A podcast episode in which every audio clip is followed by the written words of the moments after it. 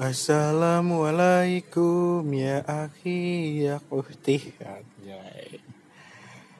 Assalamualaikum warahmatullahi wabarakatuh Kembali lagi bersama gue Alvan di sini. Sebelumnya gue ucapkan selamat pagi, siang, sore, malam Karena kembali lagi gue nggak tahu lu bakal denger podcast ini kapan Ya Bumpernya tetap sama ya Belum ganti karena gue belum kepikiran untuk membuat bumpernya gimana Gimana kabar kalian sehat? Uh, sudah cuci tangan ke hari ini? Ya karena sekarang cuci tangan dan kegiatan membersihkan tubuh itu sangat penting ya. Apalagi saat-saat pandemi karena COVID-19 ini. Dan doa gue, gue berharap banget semuanya bakal sehat-sehat aja, bakal kembali lagi beraktivitas pada saat nanti pandemi ini selesai. Dan walaupun gue nggak tahu itu kapan, tapi mari jangan kehilangan harapan di sini, oke? Okay? Tetap yang penting kita tetap bantu pemerintah untuk bisa uh, menangani COVID-19 ini dengan cepat dan semoga cepat ya. Target sih semoga habis lebaran udahan lah biar bisa kayak jalan gitu loh. Kayak sekarang aja tuh puasa kentang banget nggak ke mana-mana. Biasa tiap sore kelayapan nyari takjil ini di rumah aja ya kan. Pasti bosen banget bos kayak gak ada hiburan gitu. Akhirnya kenapa gua eh suara orang goreng. Mak gue lagi goreng ikan nih akhirnya kenapa gue memulai podcast lagi? Karena satu gue gabut. Karena kedua gue gabut. Ketiga ya intinya gue gabut udah gitu. Nggak ada yang bisa gue lakukan sekarang. Gue pun nggak gue pun pekerjaan gue di rumah kan work nggak work from home juga sih. Karena gue liburin gitu. Dan unpaid yang pahitnya itu unpaid. Ya bagi kalian yang dirumahkan juga kayak gue dan unpaid juga I'm really sorry to hear that. We have the same path yo. Kayak ya udah bro. Kita sama-sama berjuang lah dari sampingan-sampingan untuk tetap ngisi dompet dan ya tetap produktif menghasilkan dan berpenghasilan gitu. Nah untuk kali ini sebenarnya sih gue gak punya apa ya nggak punya hal yang pengen gue bahas gitu kan. Gue juga gue cuma pengen sambat aja gitu pengen ngomong aja karena karena udah kelamaan di rumah gue kurang berinteraksi sama orang. Jadi gue pengen ya yes, seolah-olah gue lagi ngobrol sama lu gitu kan. Jadi kalau di kemudian lu ngedengerin podcast gue yang ini terus gue seolah-olah kayak kayak lagi ngobrol sama orang halu like a crazy a person yo. Nah kan sekarang gue halu nih. Ya mohon maaf maklum gitu kan. Karena emang pada dasarnya begitu. Lama kelamaan di rumah gue jadi prasasti anjir. Kayak nggak ke mana-mana gitu. Diem ya kayak patung. Kalah patung sama gue pokoknya gitu. Uh, sebaik mungkin mencari kegiatan yang positif ya. Jangan yang aneh-aneh gitu. Ya kalau seandainya misalnya kayak kalian punya dinding rumah yang agak kusam butuh dicat cat aja nggak apa-apa. Tapi catnya jangan pakai kuas gede kuas kecil biar lama itu kan. Tuh kan gue mulai gak lucu. Ya gitu dah pokoknya. Terus apa lagi ya? Uh, banyak banget juga kejadian-kejadian di selama apa pandemik ini. Kayak kemarin itu yang berapa ya? Berapa? 38 ribu orang kalau gua nggak salah ya. Mohon koreksi napi yang dibebaskan dari lapas oleh bapak menteri kita. Siapa namanya? Gue lupa. Ya gitulah pokoknya. Dan awal sih gue merasa kayak oh mungkin ya ini untuk bentuk pencegahan. Karena kan di penjara Indonesia tuh nggak kayak penjara luar isinya kayak cuma dua cuma tiga orang gitu kan. Kalau Indonesia tuh kayak satu sel aja bisa diisi 18 orang atau sampai 30 orang. Sampai ada tuh yang bikin kayak tempat tidur tambahan itu kayak dia apa bikin sarung digantung ujung ke ujung gitu kan. Kayak jadi ayunan gitu buat tempat tidur. Pokoknya padat banget. Dan emang emang riskan banget sih untuk penularan corona gitu kan.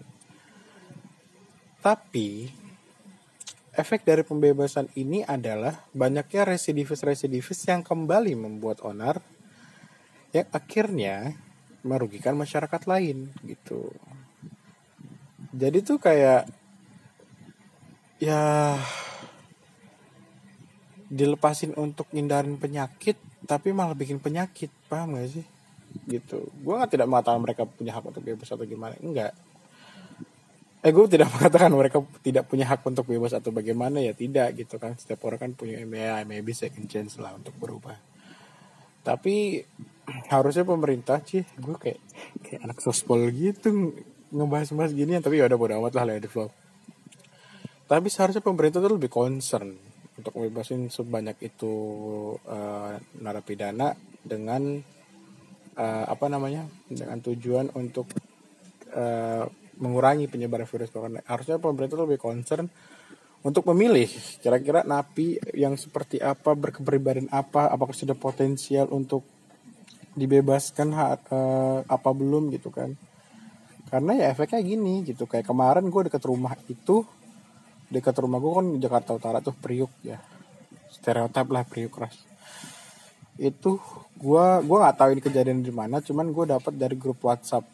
Gue juga nggak tahu ini bener apa enggak ya tapi teman-teman gue bilang Nah, ini cukup berita yang cukup valid dan kejadiannya itu ada di daerah Enggano kalau gua nggak salah deh. Begal gitu.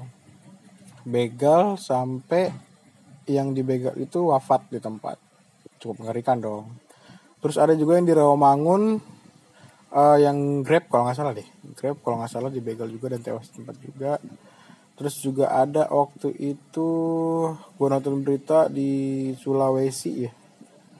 Di Sulawesi perampokan yang dilakukan oleh empat eh, empat ya kalau nggak salah empat yang ternyata rata-rata pelakunya di berita itu yang muncul adalah residivis dari napi yang dibebaskan sama Pak Menteri ini gitu. Jadi ya mohon maaf Pak Menteri gitu kan. Anda waktu ngelakuin itu mikir apa gimana? Apa ya? Apa sih uh, uh, yang yang anda pikirin tuh apa gitu? Saya penasaran pengen tahu. Cisok banget gua. Terus banyak banget lah kejadian-kejadian selama pandemi ini yang selama yang yang yang akhirnya orang-orang nongkrong dilarang gitu kan. Yang orang nongkrong bahkan berpotensi untuk dijeblosin ke penjara gitu. Jadi kan aneh menurut gue orang ngebebasin napi yang napi yang melakukan tindakan kriminal tapi ngejeblosin orang yang nongkrong. Ya which is itu sebenarnya ya mungkin bentuk sebuah apa ya peringatan aja biar ada efek jerah bagi kita yang nongkrong nongkrong di luar gitu cuman kalau untuk di tempat tinggal gue sendiri ya Tanjung Priuk daerah Tanjung Priuk Semper gitu gitulah Pelumpang Enggano Yosudarso ya pokoknya gitu ya dari, dari situ itu gue rasa kurang efektif Kenapa? Karena sampai detik ini pun kalau misalnya gue keluar ya, kalau gue kan keluar kan emang karena ya kayak beli bahan makanan ya nggak mungkin dong gue beli bahan makanan meninggal gue kelaparan. Itu masih banyak orang yang kelayapan, tapi menurut gue kelayapannya nggak penting. Kayak kemarin gue tuh kan beli obat buat nyokap, beli obat buat nyokap apotik. Di perjalanan tuh gue lihat orang-orang masih ada yang goncengan bertiga, cewek-cewek, cowok-cowok, pokoknya bertiga bertigaan gitu. Nggak pakai masker. Terus ya udah santai aja gitu jalannya. Terus karena kemarin emang emang ini ya emang kalau di Indonesia itu kan selama bulan puasa kan biasanya setiap sore tuh banyak batu yang jual tak takjil kan dan it's happen gitu. Kayak kemarin tuh banyak banget yang jual takjil dan banyak banget juga orang yang beli takjil gitu. Jadi ketika gue keluar sore sore nggak ada sepi yang gue temui malah rame banget gitu. Kayak ya cukup miris sih kalau kita ngelihat karena hmm, di sisi lain orang-orang kayak tim medis pemerintah terus juga orang-orang yang campaign yang menyatakan bahwa stay at home itu harus harus dilakukan. Malah banyak juga orang-orang yang tidak concern ke situ. Yang malah keluar yang malah jalan-jalan cuman karena bosan ya gue wajar. Gue tidak sebenarnya menyalahkan orang-orang yang keluar itu karena ya gue pun sekarang akhirnya merasakan hal yang sama. Bosan banget. Pokoknya pengen keluar gitu. Mungkin mereka butuh keluar sejenak. Tapi kembali lagi kalau semua orang berpikiran yang sama kayak ah sebentar dong lah paling nggak apa-apa kali sebentar dong tapi yang keluar kayak 100 orang kayak seribu orang seluruh Jakarta gitu kan. Sama aja bohong. Kayak yang ngapain? gitu. Akhirnya orang-orang itu berjuang sia-sia gitu. Apalagi kemarin tuh gue sempet apa ya sempet nonton di mata Najwa itu yang dia ngewawancarain yang mbak Nana ini dia ngewawancarain salah seorang petugas pengubur jenazah pasien covid yang yang petugas itu tuh sampai nangis terus kayak ngasih tahu bahwa tiap hari dia tuh nguburin orang nggak berhenti literally tiap hari gitu. Tiap hari tuh dan dan tiap hari tuh nggak ya cuma satu orang satu hari nggak satu hari tuh eh nggak satu orang eh satu hari satu orang gitu. Satu hari itu dia bisa nguburin tiga orang empat orang bahkan sampai iya pokoknya lebih dari satu orang gitu kan. Dan dan itu tiap hari yang berarti kan banyak ya kan? Nah makanya gue kadang suka apa ya suka skeptis sama berita-berita yang bilang kalau korban covid tuh segini ternyata segini gitu. Dan beberapa yang gue lihat sih kayak di YouTube banyak juga youtuber-youtuber yang kayak bilang lebih dari itu gitu kan.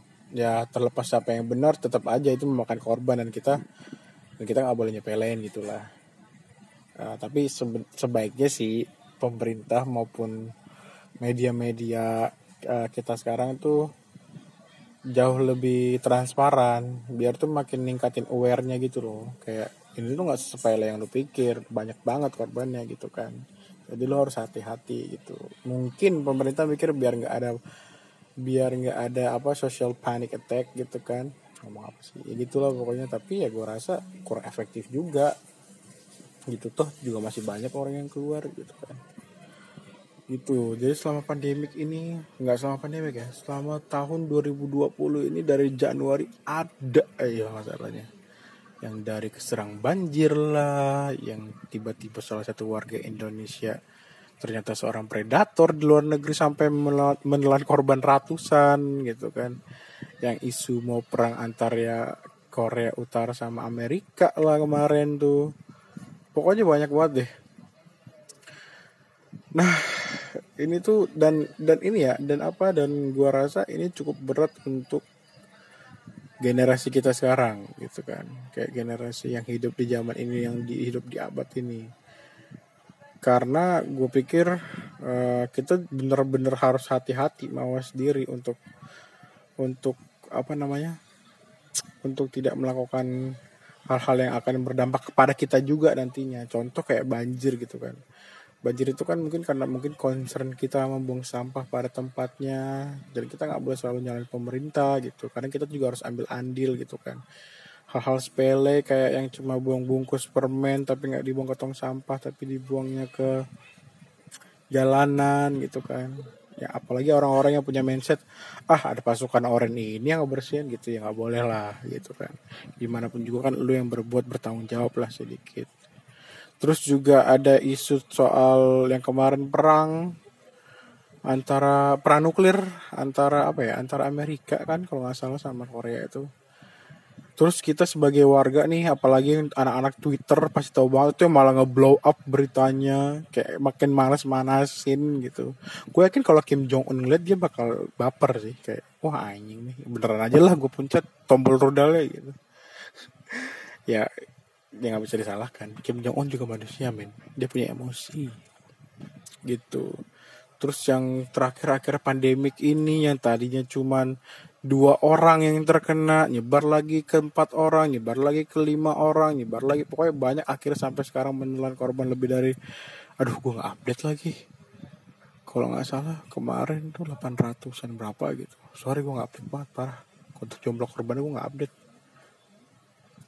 gitu kan. Jadi kayak karena itu ya terus karena itu kita sendiri yang kurang concern gitu. Yang yang kurang apa menjaga diri kurang nggak pakai masker lah pas jalan nggak yang keluar asal-asalan lah masih sering ngumpul-ngumpul lah gitu kan. Dan akhirnya ketika nanti semuanya tertular yang bisa lo lakuin ya apa gitu nggak ada.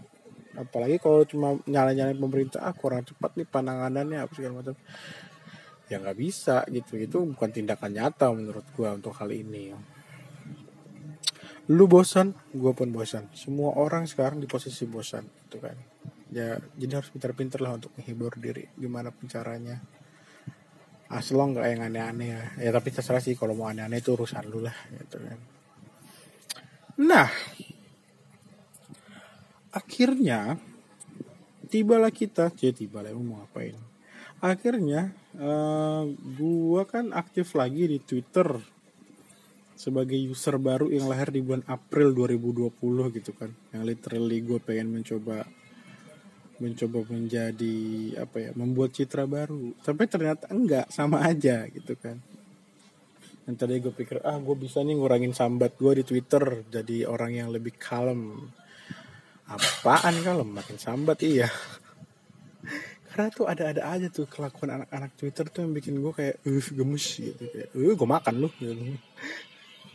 kayak jadi gue nggak nggak bisa nggak bisa nahan. Gue tuh orangnya apa ya meledak-ledak gue orangnya gitu kan. Aries Aries ya gitu jadi ya tuh teman-teman gue yang mutual gue di Twitter even if you don't care with me ya gitu ya nggak peduli lah lu siapa anjing ya gue mohon maaf sih kalau seandainya ada beberapa tweet gue atau tindakan gue di Twitter yang nyinggung lo gitu kan. Ya mohon maaf aja nih bos gitu. Tapi ini contohnya ketika gue udah mulai mencoba kalem ada aja tindakan atau kayak tren atau kayak tweet atau kayak spill yang bikin gue kesel gitu. Kayak kayak apa? Kayak tadi kayak tadi eh kayak kayak dari kemarin sih ini kayak dari kemarin iya kemarin banget itu ada tren di Twitter yang uh, isinya one la eh one rap ya. One rap apa one like gitu. One rap one fake rated. Kayak satu like satu fakta uh, kotor. Ya gitu fakta fakta fakta ya rated gitu tentang gua gitu. Dan orang-orang ngejabarin itu tentang masa lalunya dia yang gimana tentang apa yang pernah dilakukan hal-hal nasty yang pernah dia kerjakan semasa hidupnya yang menurut gue itu sorry goblok. Iya literally tal goblok. Karena kenapa? Karena gini loh. Contoh misalnya gue ngeliat lu sebagai seorang yang uh, ya I'm seeing you as a human being, but I'm seeing you, I'm respect you as a person gitu kan. Karena gue liat tuh orangnya kayak baik, gue liat tuh orangnya sopan, gue liat tuh orangnya kayak ramah. Tapi kemudian lu ikut challenge ini dan lu membongkar semua aib lu di masa lalu misalnya, atau apa pun yang lu lakukan atau apa pun yang yang biasa lu lakukan gitu kan. Di situ gue merasa kayak oh come on gitu kan, lu nggak serendah itu kan, maksud gue ya janganlah lu mem jangan lu apa ya nurunin harga lu sendiri gitu loh. Kayak makanya gue bilang goblok aja yang kedua itu goblok. Sorry itu selalu mau mau bilang gue apa ya udah fight me gitu. Itu yang ngomong itu goblok. Eh ngomong itu ikut itu goblok gitu kan. Kayak capek-capek Tuhan nutupin aib lu malah lu umbar-umbar gitu. Kayak ih wah gue gigit lu kesel gue jadinya gitu kan. Apalagi tuh yang gue lihat beberapa orang yang ikut challenge itu tuh adalah anak-anak yang umurnya masih 18 tahun, 19 tahun. Dan ketika gue baca beberapa ada yang gue ikutin kayak ih gila ya. 18 tahun, 19 tahun, gue 18 tahun, 19 tahun kayak gini-gini amat deh. Kayak miris akhirnya gitu gue ngetahuin mengetahui itu gitu. Menurut gue ya janganlah. Apa pun yang terjadi di masa lalu lu biarkan itu menjadi masa lalu lu gitu. Ketika lu pengen kayak orang lain tahu kasih tahu lah kepada orang yang emang apa ya worth to know gitu. Kayak orang yang emang lu uh, pantas dalam artian tuh orang yang bisa lu percaya yang care sama lu yang literally tahu siapa lu gitu kan. Yang ketika lu sama dia tuh nggak ada hal yang bisa lu tutup tutupi gitu. Bukan lu umbar ke semua orang gitu karena ketika nanti lu membuat sebuah kesalahan ada aja nih orang yang punya trigger untuk membenci lu gitu ih dia kan genit anaknya. Dia kan begitu anaknya pantas misalnya dia begitu misal kayak lu lu ngespil ngespil uh, ngespil cowok nih rumah mak lu gitu kan. Terus kayak lu merasa dirugikan nih atas kelakuan lu dan cowok itu. Terus kayak orang-orang ya udahlah lu juga begitu. Ngapain lu ngespil gitu? Akhirnya tuh kayak respect kayak itu tuh hilang dari lu gitu kan. Ya dan itu sangat disayangkan dan bahwa seharusnya itu nggak terjadi gitu ke pribadi manusia. Merendahkan orang lain itu enggak gue nggak merendahkan tapi gue sangat menyayangkan sangat disayangkan ketika ada orang yang ikut uh, challenge itu ya kan. Kayak yang ngapain sih? Gitu apalagi yang ikut challenge tuh out nih gue, gue suka heran deh. Gue suka heran deh. Konotasi dari alter itu sendiri adalah alternatif yang di mana lu tidak memberitahukan identitas asli lu atau lu menjadi orang lain yang yang apa yang di luar biasanya lu menjadi orang lain dan lu tuh uh, bebas di situ. Maksud gue tuh kayak uh, apa ya maksud gue tuh kayak lu bebas ngapain di situ tanpa orang lain tahu siapa sebenarnya lu di real life gitu kan. Yang which mean itu berarti lu meng, meng uh, menglindungi identitas asli lu. Makanya beberapa alter identik dengan foto atau nama yang bukan nama asli dan foto yang kayak disamarkan ya kan? Tapi ada beberapa alter konyol yang gue kayak aduh cringe banget gitu. Yang mereka ikut challenge challenge ini loh yang kayak berapa tinggi badan siapa nama panggilan kayak one like one fact kayak terus kayak apa namanya the body the face gitu. Itu kayak itu kan ya lu ngapain ngalter gitu? Lu jadi akun ini aja akun apa? Akun CA ya namanya. Akun asli lu aja ngapain jadi alter gitu kan? Karena ya percuma lu jadi alter juga orang-orang udah tahu lu siapa gitu. Lu bagaimana bentukan lu gimana gitu. Nggak ada nggak ada excitementnya lagi di situ gitu. Sangat disayangkan lagi-lagi gitu. Uh, menurut gue menurut gue ya kalau lu toh pribadi orang yang ya udahlah gue nggak peduli orang ngomong apa nating tulus ya udah silakan gitu. Anggaplah gue ini hanya sebagai seorang yang kontra dengan perbuatan lu. It's a fine ya kan? Tiap orang punya opini beda-beda. Bebas lu bagaimana terserah lu gitu kan. Tapi kalau misal lu tanya gue katanya gue kenapa gue kontra karena gini gue memandang lu sebagai manusia yang mulia. I see you as a person gitu kan as a apa ya oh, manusia yang harusnya tuh dimanusiakan gitu kan. Bukan bukan orang yang patut diremehkan gitu. Bukan cewek-cewek apalagi nih yang kayak apa-apa di pap titiu di DM gitu kan. Karena kemungkinan orang yang pap dulu titiu di DM itu orang yang melihat citra lu sebagai cewek nakal. Dan mereka pikir ah it's fine ya kan to give her that picture or something. Yang ternyata lu nggak suka kan ya kan? Buktinya lu kayak nge-spill gitu atau ini kenapa sih orang ngirim beginian? Ya nggak tahu lu nggak suka kan? Atau emang lu suka cuman lu kayak nyari konten aja ya. terus nyari atensi ya gue nggak tahu ya. Ya intinya ya kalau lu nggak mau diperlakukan seperti itu jangan memancing orang jangan memancing orang untuk melakukan hal itu gitu. Gue yakin kalau seandainya isi tweet-tweet lu isi tweet-tweet lu itu apa ya bermanfaat berbobot kayak mengundang orang untuk berpikir atau mungkin ke kayak apa kayak ya ilmu lah intinya. Orang-orang juga gue yakin mereka segen mau kayak itu segen gitu. Nggak yang mikir berapa ber, bakal mikir berapa kali untuk ngelakuin hal itu ke lo gitu.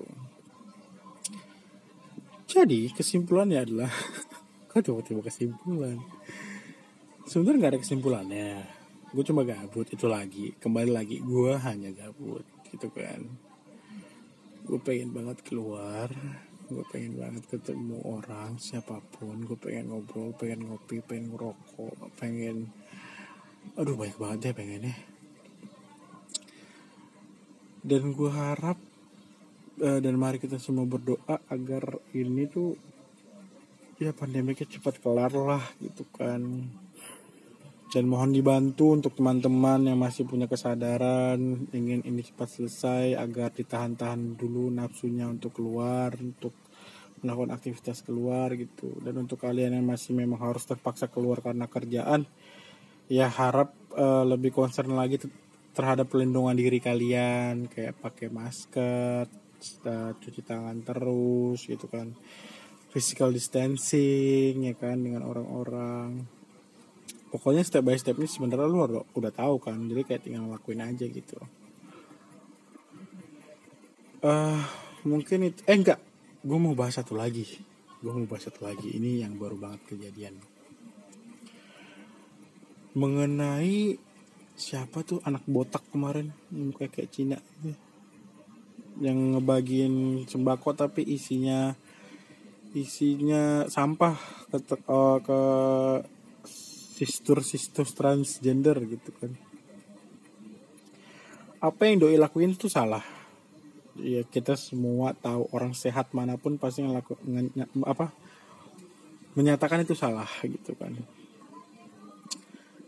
Tapi uh, menurut gua hukuman yang dia terima pada akhirnya sama si Ferdinand apa Ferdian ya? Ferdian ya namanya. Si Ferdian itu sekarang yang gue lihat itu justru gak setimpal dengan apa yang dilakukan gitu. Menurut gue tuh lebay kayak hukuman apa yang dia terima tuh lebay satu gitu. Kalau dia udah dibully dan dia nggak bisa terima ya udah it's fine gitu kan. Mungkin dia emang punya barrier yang cukup tebel aja untuk lindungi diri dia dari kata-kata toksik orang. Ya nggak apa-apa. Itu berarti kan dia pala batu aja wala walaupun banyak orang yang bully dia benci sama dia tapi dia tetap tetap gak dengerin gitu kan tapi gue yakin sih orang mah seenggak peduli pedulinya orang kalau dikata-katain orang lama-lama kan kesel juga gitu. Tapi ya udahlah gitu kan. Nah setelah itu pun dia tetap mendapatkan ganjaran kan. Kayak ditangkap polisi terus diviralin terus kayak di tapi bohong gitu loh. Dan menurut gue itu udah cukup memalukan gitu.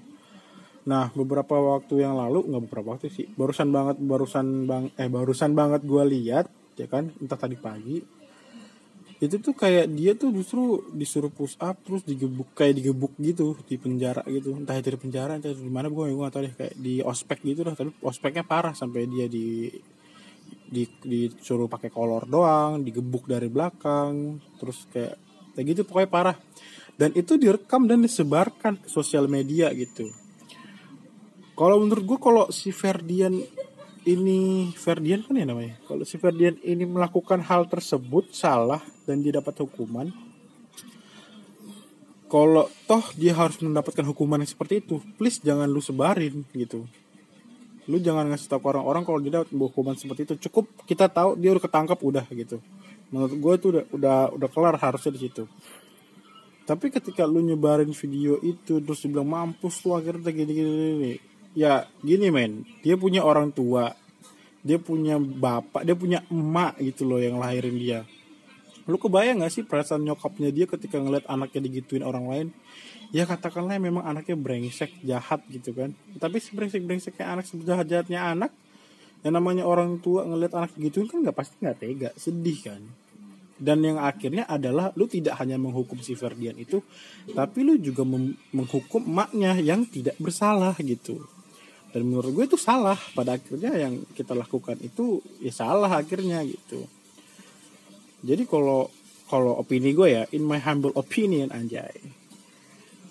Ya udahlah dia udah cukup mendapatkan apa yang dia tanam. Dia cukup mentuai apa yang dia tanam. Sudah cukup gitu kan.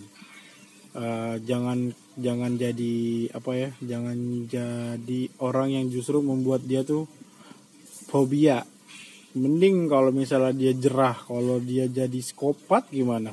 Dia dendam akhirnya ketika keluar dari lapas dia akhirnya malah yang tadinya cuma ngasih makan eh ngasih sembako isi sampah yang terus berubah menjadi psikopat. Ketika keluar dia malah berburu transgender dibunuh-bunuhin di jalan gimana? Kan kita kan nggak kita nggak mau itu terjadi kan?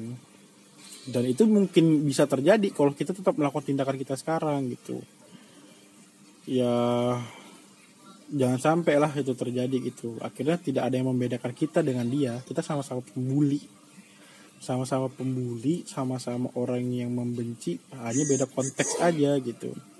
Kalau dia benci transgender kita benci dia gitu. Ya udah mungkin segitu aja kali. Gue nggak tahu lagi gue mau ngomong apa. Untuk yang udah ngedengerin podcast gue dan ngedengerin podcast ini gue ucapin makasih banget selamat bulan Ramadan ya. Menjalan selamat menjalankan puasa tetap sehat selalu. Jangan makan banyak-banyak stay hydrated. Terus juga uh, apa namanya mungkin ini bulan menjadi bulan momen bulan yang justru membuat kita tuh harusnya lebih dekat dengan keluarga. Karena kan ya ke mana-mana kan di rumah aja gitu kan. Tetap sehat tetap jaga kesehatan juga tetap semangat kalau bosen-bosen. Ya lakukan sesuatu yang menurut bermanfaat. Gue juga bosen. Jadi mungkin kita bisa teleponan kalau lo mau. Eh mau ada stres bos? Ya gitu aja. Sehat buat lu dan keluarga lu.